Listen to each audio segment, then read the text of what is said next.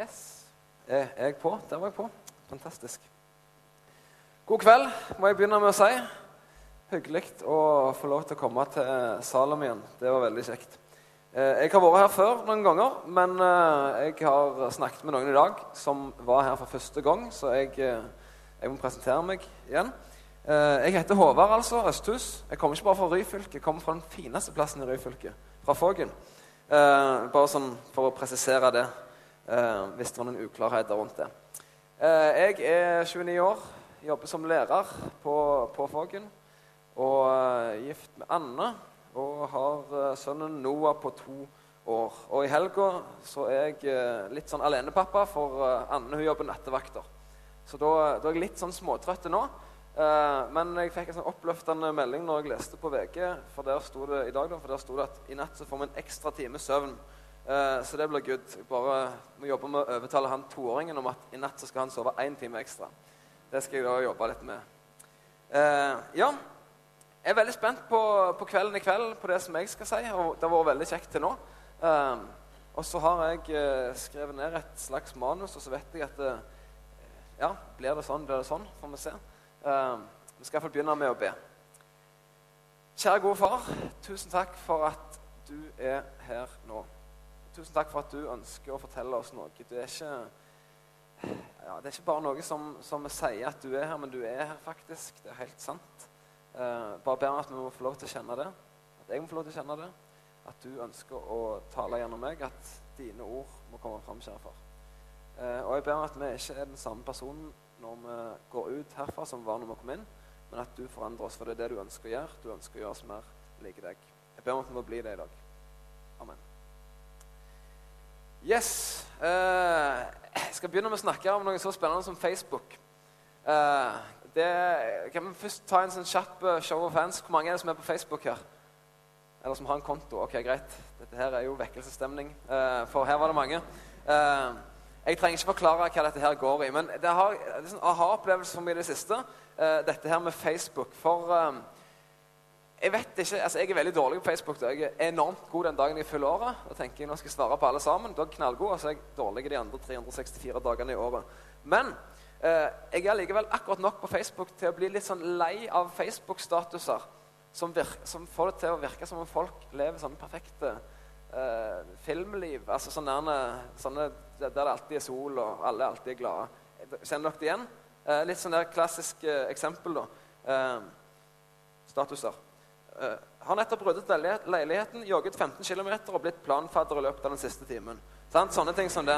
Uh, og, ja, ja, men det, men det er den, den stilen. sant? Kom hjem til nymalt hus og sjuretters middag. For en mann jeg har. Og barna koser seg med leksene. Uh, eller den der toåringen har lært å skifte bleier på seg selv. Good times ahead. Uh, ja, men det er noe med det, det er veldig mye sjeldnere vi ser på en måte på Facebook at folk sånn Litt løs i magen, sitter lenge på ramma i dag. Eh, eh, vi har mindre av den typen. Eller krangler med kjæresten igjen, eller sitter der og baktaler folk. Eh, sånne ting som Sånn som ofte er sant om folk, men det kommer aldri ut på Facebook. Og hvorfor gjør det ikke det? Jo, da skal, nå skal jeg forklare deg hvorfor. Det er fordi at vi har lyst til å vise en fin side til de rundt oss. Vi har lyst til å vise at vi egentlig er mye bedre enn det som vi egentlig er. Eh, det er derfor vi legger ut de tingene. Jeg merker det jo selv, sant? Jeg har lyst til å legge ut ting på Facebook når det skjer bra ting. Når det skjer dårlige ting, da holder vi langt vekke. Eh, men eh, vi oppfører oss ulikt, og jeg kan bevise det. Altså, du tenker, Når du skal legge ting ut på Facebook, så tenker du Oi, sånn, jeg er jo venn med mor mi. Kan ikke legge ut det da? sant? Eller å nei, jeg er jo venn med han der, ja. Han, han vet ikke at jeg er sånn. For vi ønsker å framstå sånn som folk, altså sånn som vi tror at folk vil at vi skal framstå. Eh, så derfor så driver vi og spiller litt skuespill, og derfor så er det litt skummelt å tenke på at tenk om dine Facebook-venner visste alt om deg. Tenk om det var sånn at statusen din eh, på Facebook, den ble Altså, alt du gjorde, alt du sa, og ikke minst alt du tenkte, det ble lagt ut på Facebook. Det hadde vært grusomt skummelt, spør du meg.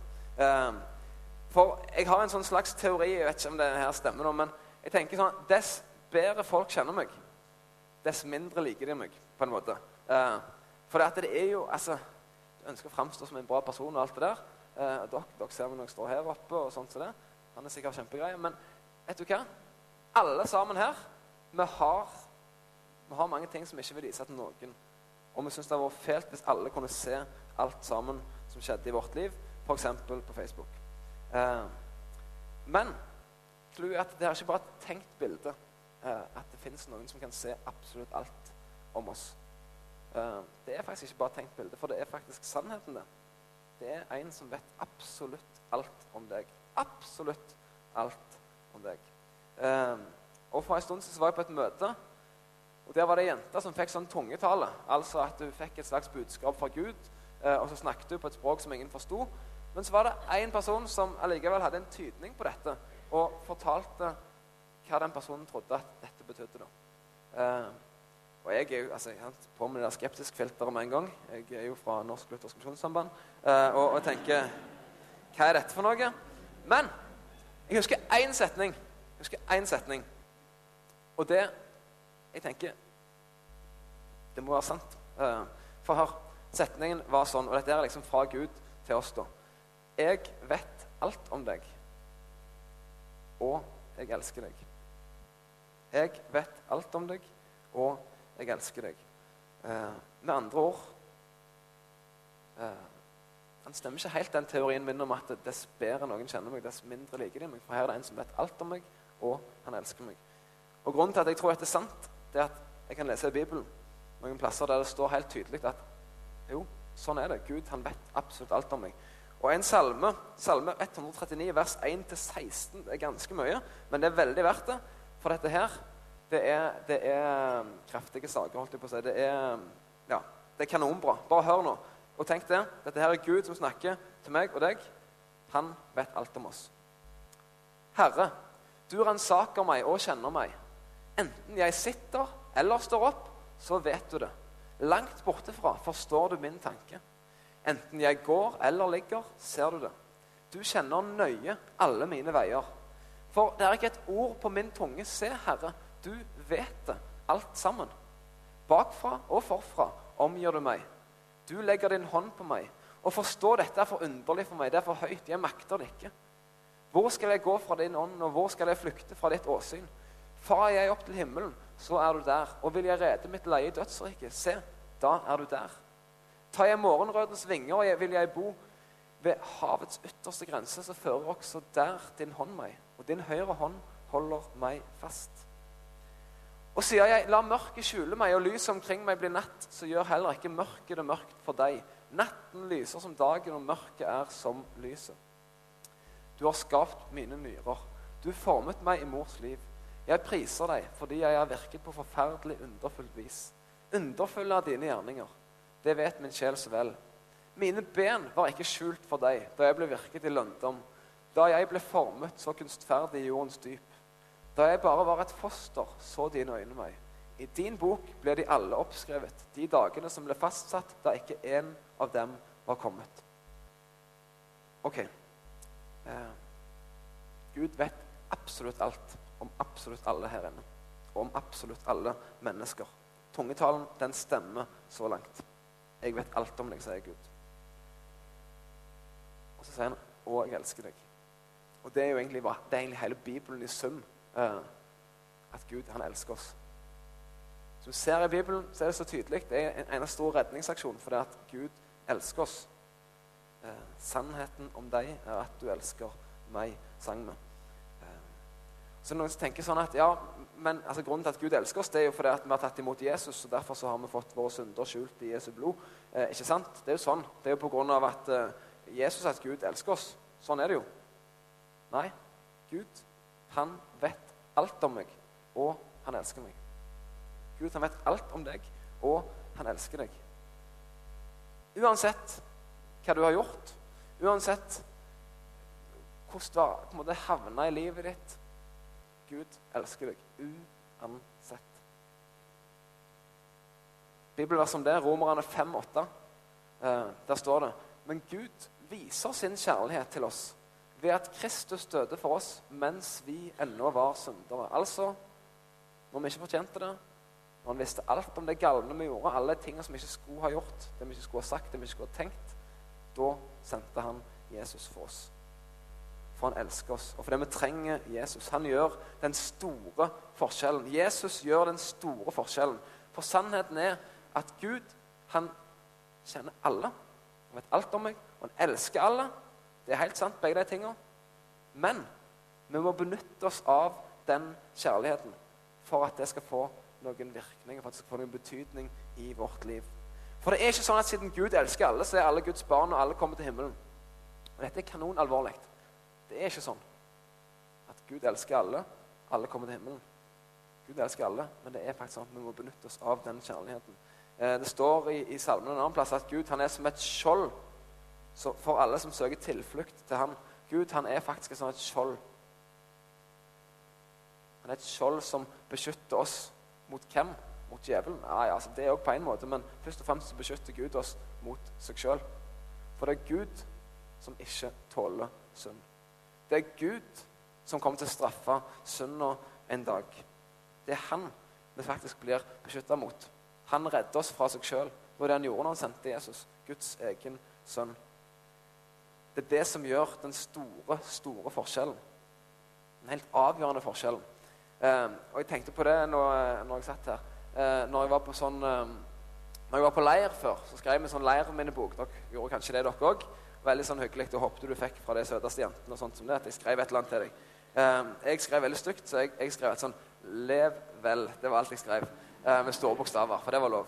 Men så var det noen som skrev finere, som skrev eh, bedre ting, kanskje.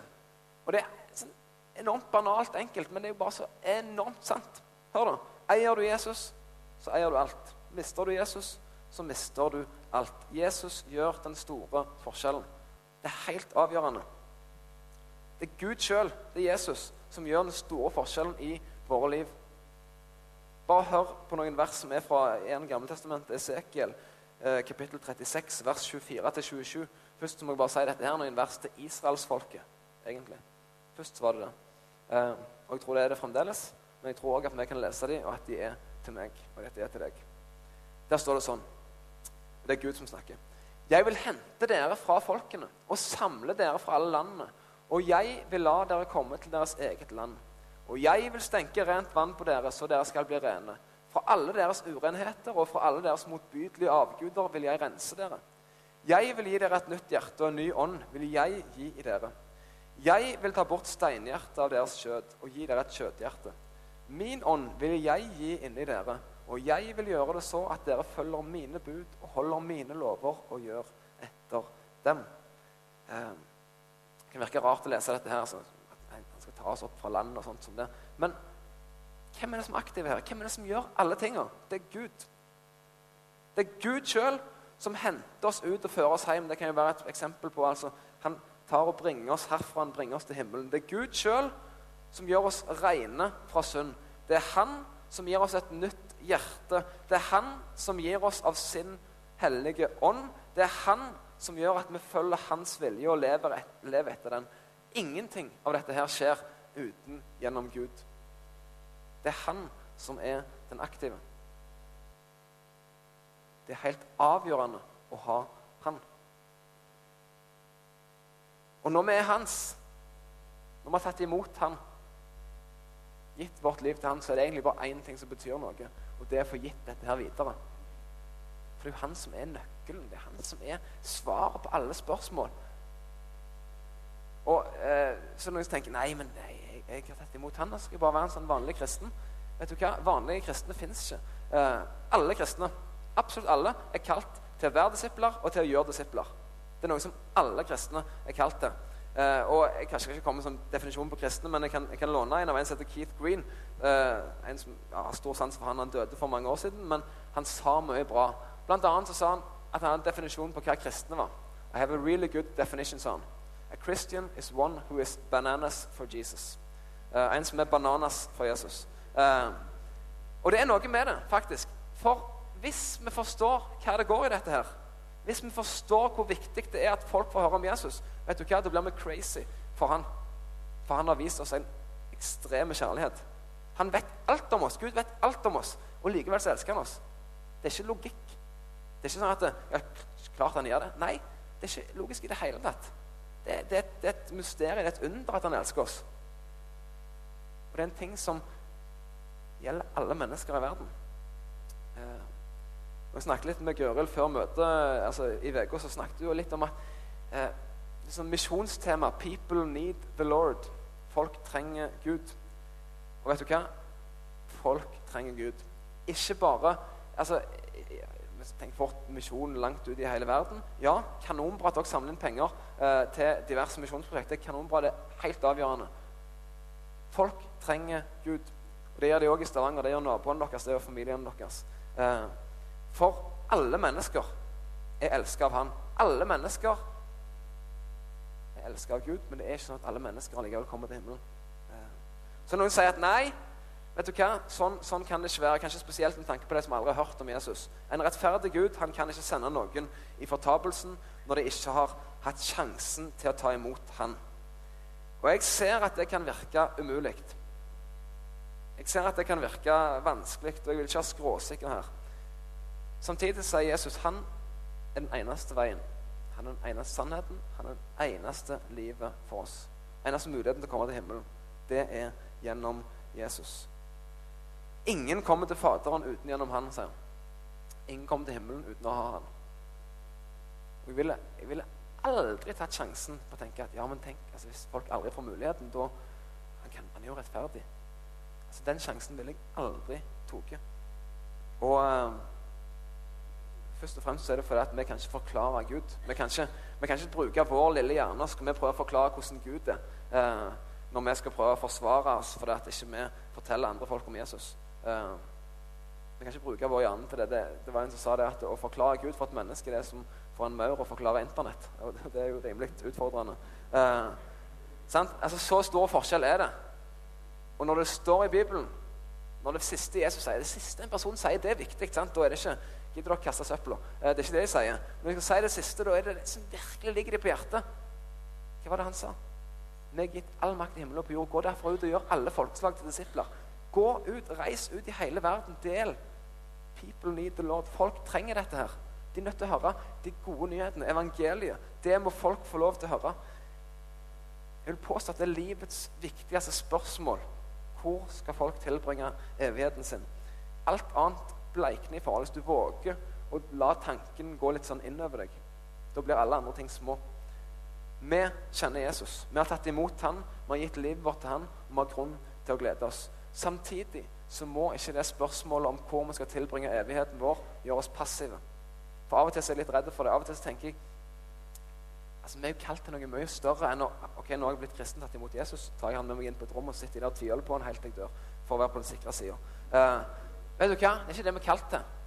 Vi er ikke kalt til å overleve verden. Vi er kalt til å forandre verden. Det er det kallet Gud har gitt oss. Vi skal gå ut med dette her. Vi er kalt til å komme til Han akkurat sånn som vi er.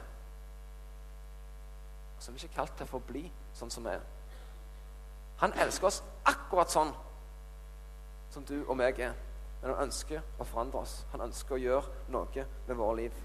Han vil vise oss noe mer. Han vil være vårt liv. Dess mer vi får av hans liv, dess mer får vi av hans kjærlighet. Dess mer vi ser av hva han har gjort for oss. For jeg tror at alt sammen det kommer av det han har gjort for oss. Jeg tror det er en grunn til at Paulus han sa en gang altså, Jeg forkynner Jesus, og han korsfester ingenting annet. Jo, han snakket jo om andre ting òg, men det var det som var utgangspunktet. For det var der alt kom fra. Det var der kraften kom fra. Alt det som Paulus snakket om, det kom derfra. Vet du hva? Det er det som er det store i livet. Dess tydeligere det blir for oss når vi ser hva Jesus har gjort for oss Dess mer vi får lov til å se av det, dess mer kommer det til å sprudle over til andre folk. Eh, nå nylig så har jeg lest i apostelgjerningene. Vi hadde det i den huskirka som jeg er i, at eh, vi skulle lese i apostelgjerningene og snakke om det. Eh, og det er mange ting der som vi kunne snakket om. Men det er én ting spesielt som jeg har lyst til å trekke fram. Peter og Johannes de har vært i fengsel, eh, og de blir trua med døden. Hvis ikke de, Nå må dere holde kjeft om han der Jesus. sant? Det blir jo opptøyer, det blir vas og tull, og vi får, vi får trøbbel med romerne, og vi får trøbbel med de andre. Altså, Slutt. sant? Eh, så kommer de, og så blir de trua. Og så sier de en ting i apostelgjerningene kapittel 4, vers 20. Sorry, eller De sa ikke sorry, da, men de sa vi kan ikke la være å tale om det vi har sett og hørt. De hadde sett noe, de hadde hørt noe som gjorde at de ikke kunne holde kjeft. De hadde sett og hørt noe som var så stort at de gikk i døden for det. De hadde sett og hørt noe som var mye større enn alle andre ting. Alt annet bleikna i forhold. Vi kan ikke la være. Og for meg så blir det en liten sånn Kan jeg la være? For hvis jeg kan la være, ja, har jeg sett det? sant? Jeg tror vi må be om at vi må se enda mer av hva Gud har gjort for oss. For av og til føler jeg jeg, kan jo la være. Jeg, kan jo, jeg, jeg klarer jo ikke snakke om Gud. sant? Jeg klarer jo ikke dele dette her med andre. Da tror jeg ikke det handler om nå skal jeg ta meg sammen, nå skal, sant? Da tror jeg det handler om å gå til Gud. Se igjen hva han har gjort. For det er det som driver oss. Vi kan ikke la være å tale om det som vi har sett og hørt. Jeg skal flyte, skal flyte over til andre mennesker. Og hvordan ser det ut? Jeg tror dette her er en måte å dele på. Jeg står oppe og snakker til dere. Dere snakker med hverandre. Ja, sånne ting som dette her, her inne i salen.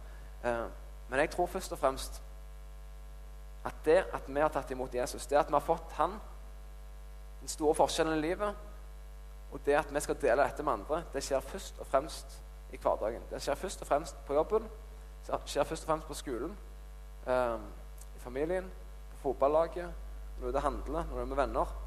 Der er det først og fremst. For det er der vi er 99 av tida. Vi er utfører kirker og bedehus og Salem. Det er der det skjer.